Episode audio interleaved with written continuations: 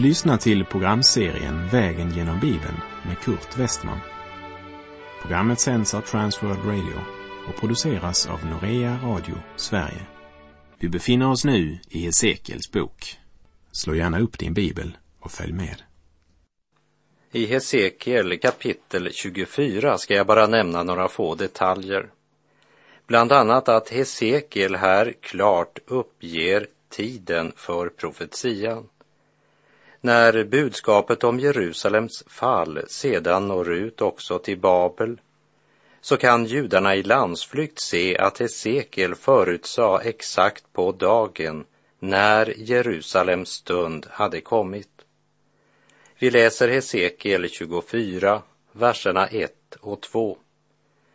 Herrens ord kom till mig i det nionde året på tionde dagen i tionde månaden. Han sade, du människobarn, skriv upp namnet på denna dag, just denna dag. Ty kungen i Babel har just idag ryckt fram mot Jerusalem. Nu hände det alltså, det där som de falska profeterna sagt inte skulle hända. Och i vers 9 läser vi, så säger Herren, Herren, ve över blodstaden. Och i vers 12, den har vållat mig mycket arbete, men ändå har den myckna rosten inte gått bort in i elden med rosten. Elden talar om Guds dom. Elden talar om en smärtsam reningsprocess. Och idag så handlar det inte bara om Jerusalem och Juda, men om hela vår värld som är en gryta full av synd och orenhet. Och domen ska börja i Guds hus. Grytan ska tömmas på sitt innehåll och när grytan är tom ska den åter in i elden. Det säger oss att Guds tuktan och fostran fortsätter tills Herrens plan är fullförd och han har renat sitt folk så att det är rent. Sådan är den helige Gud. Han är barmhärtig men dömer synden obarmhärtigt utan att se mellan fingrarna. Romarbrevet 8, vers 32 talar om honom som inte skonade sin egen son utan utlämnade honom för oss alla. Och Efesebrevet 1, vers 7 säger I honom är vi friköpta genom hans blod och har förlåtelse för våra synder på grund av den rika nåd som han har låtit flöda över oss. Och Hebreerbrevet 9.22 säger, så renas enligt lagen nästan allt med blod och utan att blod utgjuts ges ingen förlåtelse. Och i Lukas 24, verserna 46 till 48, så inleder Jesus missionsbefallningen med orden. Det står skrivet att Messias ska lida och på tredje dagen uppstå från de döda och att omvändelse och syndernas förlåtelse ska predikas i hans namn för alla folk med början i Jerusalem. Ni är själva vittnen om detta. Hesekiel 24 talar om grytan som måste i elden för att renas. Och vi sitter alla i samma gryta. Det borde vi tänka på när vi läser det här kapitlet. Och i slutet av vers 24 säger Herren, när detta händer skall ni inse att jag är Herren, Herren. Men folket i Juda och Jerusalem hade under lång tid haft möjlighet att vända om. Först sände Herren profeten Jeremia som under tårar förkunnade att om de inte vände om skulle Jerusalem ödeläggas. Efter Jeremia sände Herren Hesekiel som inte gråter eller suckar utan framstår som en hård man som utan att röra en min proklamerar att domen står för dörren. Men man hörde inte på honom heller. Nu återstod bara den fruktansvärda domen.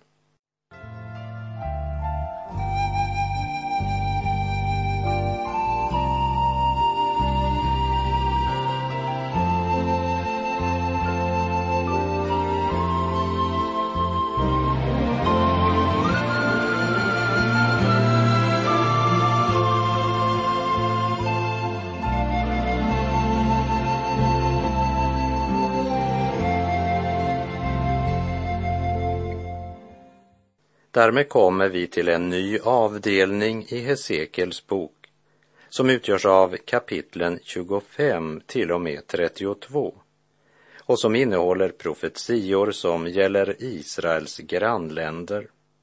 Och profetiorna om dessa länder, de har bokstavligen gått i uppfyllelse och alla dessa nationer är idag borta och existerar inte längre.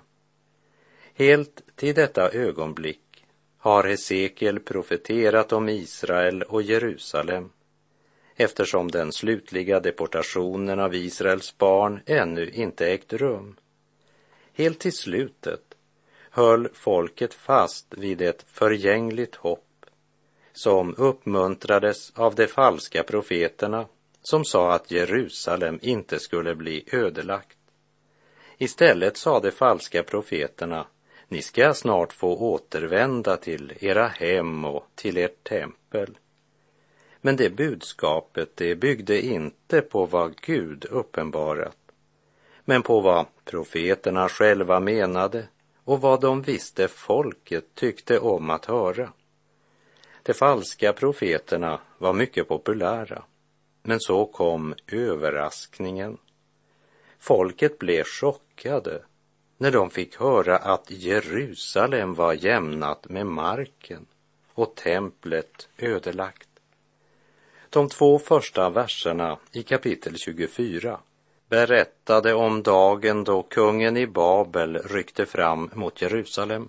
Och från det här ögonblicket frambärs inte mer några profetior om Jerusalem. För Hesekiel är inte historieskrivare, han är Herrens profet och Hesekiels profetior visade sig i detalj vara sanna. Men nu har Hesekiel inte mer något att säga till Jerusalem. Babels kung har angripit Jerusalem. Ödeläggelsen har börjat. Nu förkunnar Hesekiel vad som ska hända med grannländerna. Och kapitel 25 är ett högst aktuellt budskap för oss idag. Guds stad ligger i ruiner och över staden ser jag en man som heter Jeremia. Tårarna trillar nerför kinderna. Han gråter över land och folk. Han älskar sitt folk, men det är en olycklig kärlek, för ingen vill lyssna till honom. Och han står som en förebild som illustrerar honom som ska komma till vår jord många hundra år senare. Även Messias ska se ut över Jerusalem och gråta över staden därför att han vet att ödeläggelsen skall komma därför att folket har vänt Gud ryggen och lever i synd. Men jag ser också en annan profet han gråter inte. Och jag ska säga dig varför. Vid samma tid som hans kära hustru dog, och skriften gör det klart för oss att han älskade sin fru, då säger Gud till honom att han inte ska klaga, gråta eller fälla tårar. Han framstår för folket som en hårdför man Gud hade sagt att Hesekiel skulle framträda på det sättet. Jeremia och Hesekiel uppenbarar två sidor av Gud och det är något vi verkligen behöver se och lära av idag. Gud är god och barmhärtig. Som Jeremia så är Herren Jesus Kristus fylld av barmhärtighet och medlidande. Och han vill att alla människor ska bli frälsta och komma till insikt om sanningen. Och därför gav han sitt liv på korset för dina och mina synder. Men lyssna till honom när han talar till de städer som förkastat Guds frälsning. Lukas 10, verserna 13 till och med 15. Ve dig, Korasin, ve dig, Betsaida. Ty om de kraftgärningar som har utförts i er hade gjorts i Tyrus och Sidon skulle de för länge sedan ha ångrat sig och suttit i säck och aska. Men så skall det också vid domen bli drägligare för Tyrus och Sidon än för er. Och du, Kapernaum, ska väl du upphöjas till himlen? Nej, ner i helvetet skall du fara. Det är en kraftig salva med tanke på att det kommer från den milde och barmhärtige Jesus. Och han lindade inte heller in sina ord i bomull när han talade till fariseerna och de skriftlärda, som vi kan läsa i Lukas 11.44. Ve er, ni liknar gravar som man inte ser och som folk trampar på utan att veta om det. Herren fördömer dem på ett sätt som får oss att blekna. Genom Jeremia och Hesekiel möter vi dessa två sidor av Gud och han är likadan idag. Vår gudsbild den har fördunklats av alla som ropar Gud är kärlek, Gud är kärlek, Gud är kärlek. Och det är ju verkligen sant att Gud är kärlek. Men glöm inte att Gud också är helig. Han är rättfärdig och han kommer att döma. Du seglar inte till himlen på någon romantisk kärleksbåt idag. Du kommer dit endast genom att vända dig till Kristus och sätta hela ditt hopp på din förtröstan till honom som dog på korset och som utgjöt sitt blod för att försona dina synder. Då har du evigt liv och står iklädd Kristi rättfärdighet. Ja, du står i Kristus fullkomlig och ren för Gud. Men om du förkastar hans frälsning återstår inget annat än Guds dom det finns så många förvirrade människor som springer runt och talar om Guds kärlek utan att tala om Guds dom. Och kanske det är en av orsakerna till att Hesekiels bok är en obegriplig bok för så många människor idag. Och de får vatten på kvarn av liberala teologer som säger Hesekiels bok kan ingen begripa. Ja, man kan i alla fall inte förstå något av den förrän man börjar studera den, det är säkert. Och om man vägrar tro att Gud ska döma synden kan man inte heller förstå Hesekiels bok. Folket i Jerusalem sa om Hesekiel, han talar bara i gåtor. Vem kan förstå vad han pratar om? För de ville inte höra.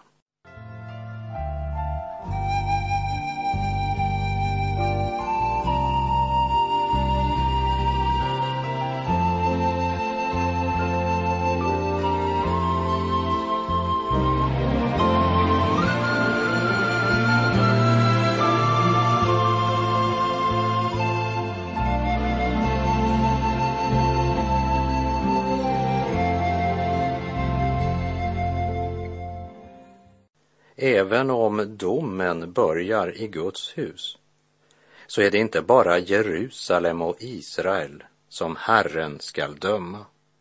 Och vi ska höra vad Herren säger om Ammons barn. Men vi ska inte använda så mycket tid till det eftersom de idag är borta från scenen. Medan Guds folk ska återvända till sitt land. Endast Gud kan föra dem tillbaka och det har han sagt att han ska göra. Innan vi går vidare vill jag bara påminna om Ammons barns släkttavla.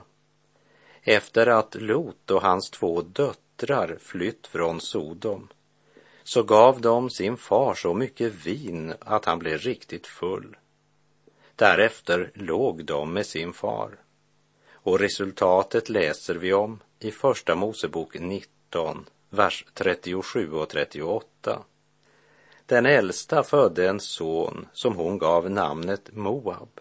Han är stamfader till de nuvarande moabiterna. Den yngre födde också en son som hon gav namnet Ben-Ammi. Han är stamfader till de nuvarande ammoniterna. Och här i Hesekiels bok kapitel 25 talar Gud om orsaken till att Ammons barn står under Guds dom. Hesekiel kapitel 25, vers 3. Säg till Ammons barn, hör Herrens, Herrens ord. Så säger Herren, Herren. Eftersom du ropar haha mot min helgedom när den blev vanhelgad och mot Israels land när det lades öde och mot Juda hus när det gick i landsflykt Ammons barn var en folkstam som livnärde sig på röveri och plundring och levde ju delvis som nomader. Och de gladdes över att templet ödelades och att Israel och Juda drev till landsflykt. Men Herren ska döma dem för detta. I Hesekiel 25, vers 6 och 7 läser vi. Ty så säger Herren, Herren, eftersom du klappar i händerna och stampar med fötterna och med allt det förakt du har i din själ gläder dig vid Israels lands olycka. Se, därför ska jag räcka ut min hand mot dig och ge dig till byte åt hedna folken. Jag skall utrota dig från folken och utplåna dig ur länderna. Jag ska förgöra dig och du ska inse att jag är Herren. Och här bör det nämnas att i det tredje århundradet efter Kristus så försvinner Ammons barn ur historien. Det moderna Jordanien har sin huvudstad på samma plats där Ammons huvudstad Rabba låg. Och Jordaniens huvudstad Amman syftar tydligen på Ammon. Kapitel 25 innehåller också en profetia mot Moab, även om de var mer civiliserade än ammoniterna. Men som vi läste i Första Mosebok kapitel 19 härstammade även de från incestförhållandet mellan Lot och hans döttrar. Moabiterna slog sig ner öster om Israel, vid den norra delen av Döda havet. Rut var moabit och hon ingår i Davids släkttavla och därmed också i Herren Jesus släkttavla som vi läste i Matteus kapitel 1. Lägg märke till varför Gud kommer att döma Moab. Hesekiel 25, verserna 8 och 9. Så säger Herren, Herren, eftersom Moab och Seir säger Se, det är med Juda hus som med alla andra folk. Därför ska jag öppna Moabs bergsluttningar så att det blir utan städer, utan sina gränsstäder, landets prydnad, Bet Hajesimot, Balmeon och Kirjataim. Att eh, säga att Juda är som alla andra folk, det är att håna Herren. Kära vän som lyssnar, vilken hållning har du till Jerusalem? Nästa nation som skall dömas, det är Edom, nationen som härstammar från Esau och vars början vi kan läsa om i Första Mosebok kapitel 25. Den lilla profetboken Obadja ger en detaljbeskrivning av domen mot Edom och klippstaden Petra. Här i Hesekiel 25, verserna 12 och 13 talar Gud om varför de står under Guds dom. Så säger Herren, Herren, eftersom Edom har handlat så hämndgirigt mot Judahus och dragit på sig svår skuld genom sin hämnd. Därför säger Herren, Herren, skall jag räcka ut min hand mot Edom och utrota ur det både människor och djur. Jag skall ödelägga det och från Teman till Dedan skall det falla för svärd. Edom straffas på grund av sin hållning till Guds utvalda folk. Och vi bör påminna varandra att Gud är densamme idag. Kapitel 25 avslutas med profetian mot filisterna. Vi läser Hesekiel 25, vers 15 till och med 17. Så säger Herren, Herren, eftersom filisteerna har handlat så hämndgirigt och med förakt i själen velat hämnas och i sin eviga fiendskap velat fördärva. Därför säger Herren, Herren så.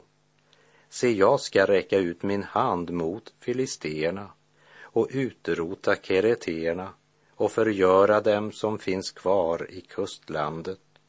Jag ska hämnas stort när jag straffar dem i min vrede och de skall inse att jag är Herren när jag låter min hämnd drabba dem. Även filisterna är borta från historiens arena. Profetian mot dem har så bokstavligen gått i uppfyllelse att en del liberala teologer försökt placera Hesekiel långt senare i historien för att därmed hävda att det inte är någon profetia utan bara historieskrivning. Men personligen vill jag säga, jag tror Guds ords vittnesbörd. Och vi gör väl i att lägga märke till det faktum att Gud dömer de nationer som syndat mot honom och mot hans folk. Och med hans folk så talar jag både om de löften Gud har gett Abraham och som gäller Israel som nation och gäller landområdet Gud med ed lovade Abraham, Isak och Jakob. Men jag tänker också på det andliga Israel det vill säga alla som bekänner sig tro på Kristus och är födda på nytt till ett levande hopp. Födda, inte av en förgänglig säd, utan av en oförgänglig, genom Guds levande ord som består. Det är så många som känner sig så trygga därför att de är med i en kyrka eller i en församling och det verkar som om de aldrig har läst i Guds ord att domen börjar i Guds hus. Petrus skriver i sitt första brev kapitel 4 att om någon får lida för att han är en kristen så ska han inte skämmas utan prisa Gud för det namnet. Och så skriver han i Petrus första brev kapitel 4, vers 17. Ty tiden är inne för domen och den börjar med Guds hus. Men om den börjar med oss, vad ska då slutet bli för dem som inte lyder Guds evangelium? Gå varsamt min kristen, ge akt på din gång, för vägen är smal och den porten är trång som för oss till livet och det är att få som kunna den finna och vilja den gå. Den måste man varsamt i ödmjukhet gå, i bön och i vaksamhet akta därpå. Ett steg blott åt sidan dig bringar i nöd. Din kötsliga frihet är din andliga död. Det är inte så ofta man hör den sjungas i våra församlingar idag. Och den tonen var inte populär på Hesekiels tid heller. Det fanns så många andra profeter som inte var så allvarliga och som folket mycket hellre ville höra på. Likt Hesekiel sa de, så säger Herren. Men istället för att tala om omvändelse och dom talade de om att det var så bra. Ja, de falska profeterna sa så mycket fint. De var så duktiga. Och deras budskap var mycket ljusare än Hesekiels. Synd bara att det inte var sant, det de predikade. Falsk smärtstillande salva tilltalar den fallna människan mera än operationskniven som skär djupt och smärtar. Men det är bara en operation som kan rädda oss. Och med det så är vår tid ute för den här gången. Jag säger på återhörande om du vill. Sök Herren medan han låter sig finnas. Åkalla honom medan han är nära och säg till Herren, döm mitt hjärta här i tiden innan världen döms av dig och när tiden är förliden i ditt domslut fria mig. Herren vare med dig, må hans välsignelse vila över dig. Gud är god. Jag kommer till ditt tempel i tidigt gryningsljus. Jag har vandrat långa vägar för att komma till ditt hus. Den rökelse jag tänder är längtan i mig stark när jag går igenom porten in på himlen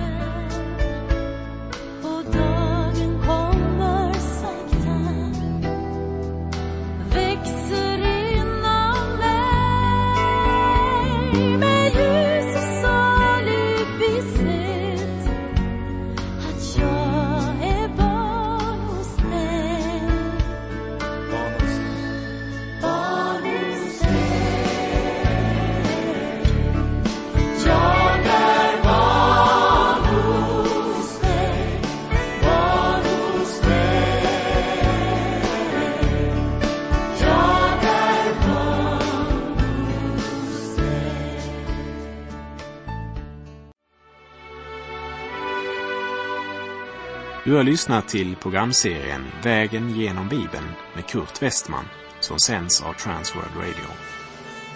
Programserien är producerad av Norea Radio Sverige. Om du önskar mer information om vårt radiomissionsarbete så skriv till Norea Radio Sverige, box 3419 103 68 Stockholm. Adressen är alltså Norea Radio Sverige, box 3419. Postnumret 10368 Stockholm.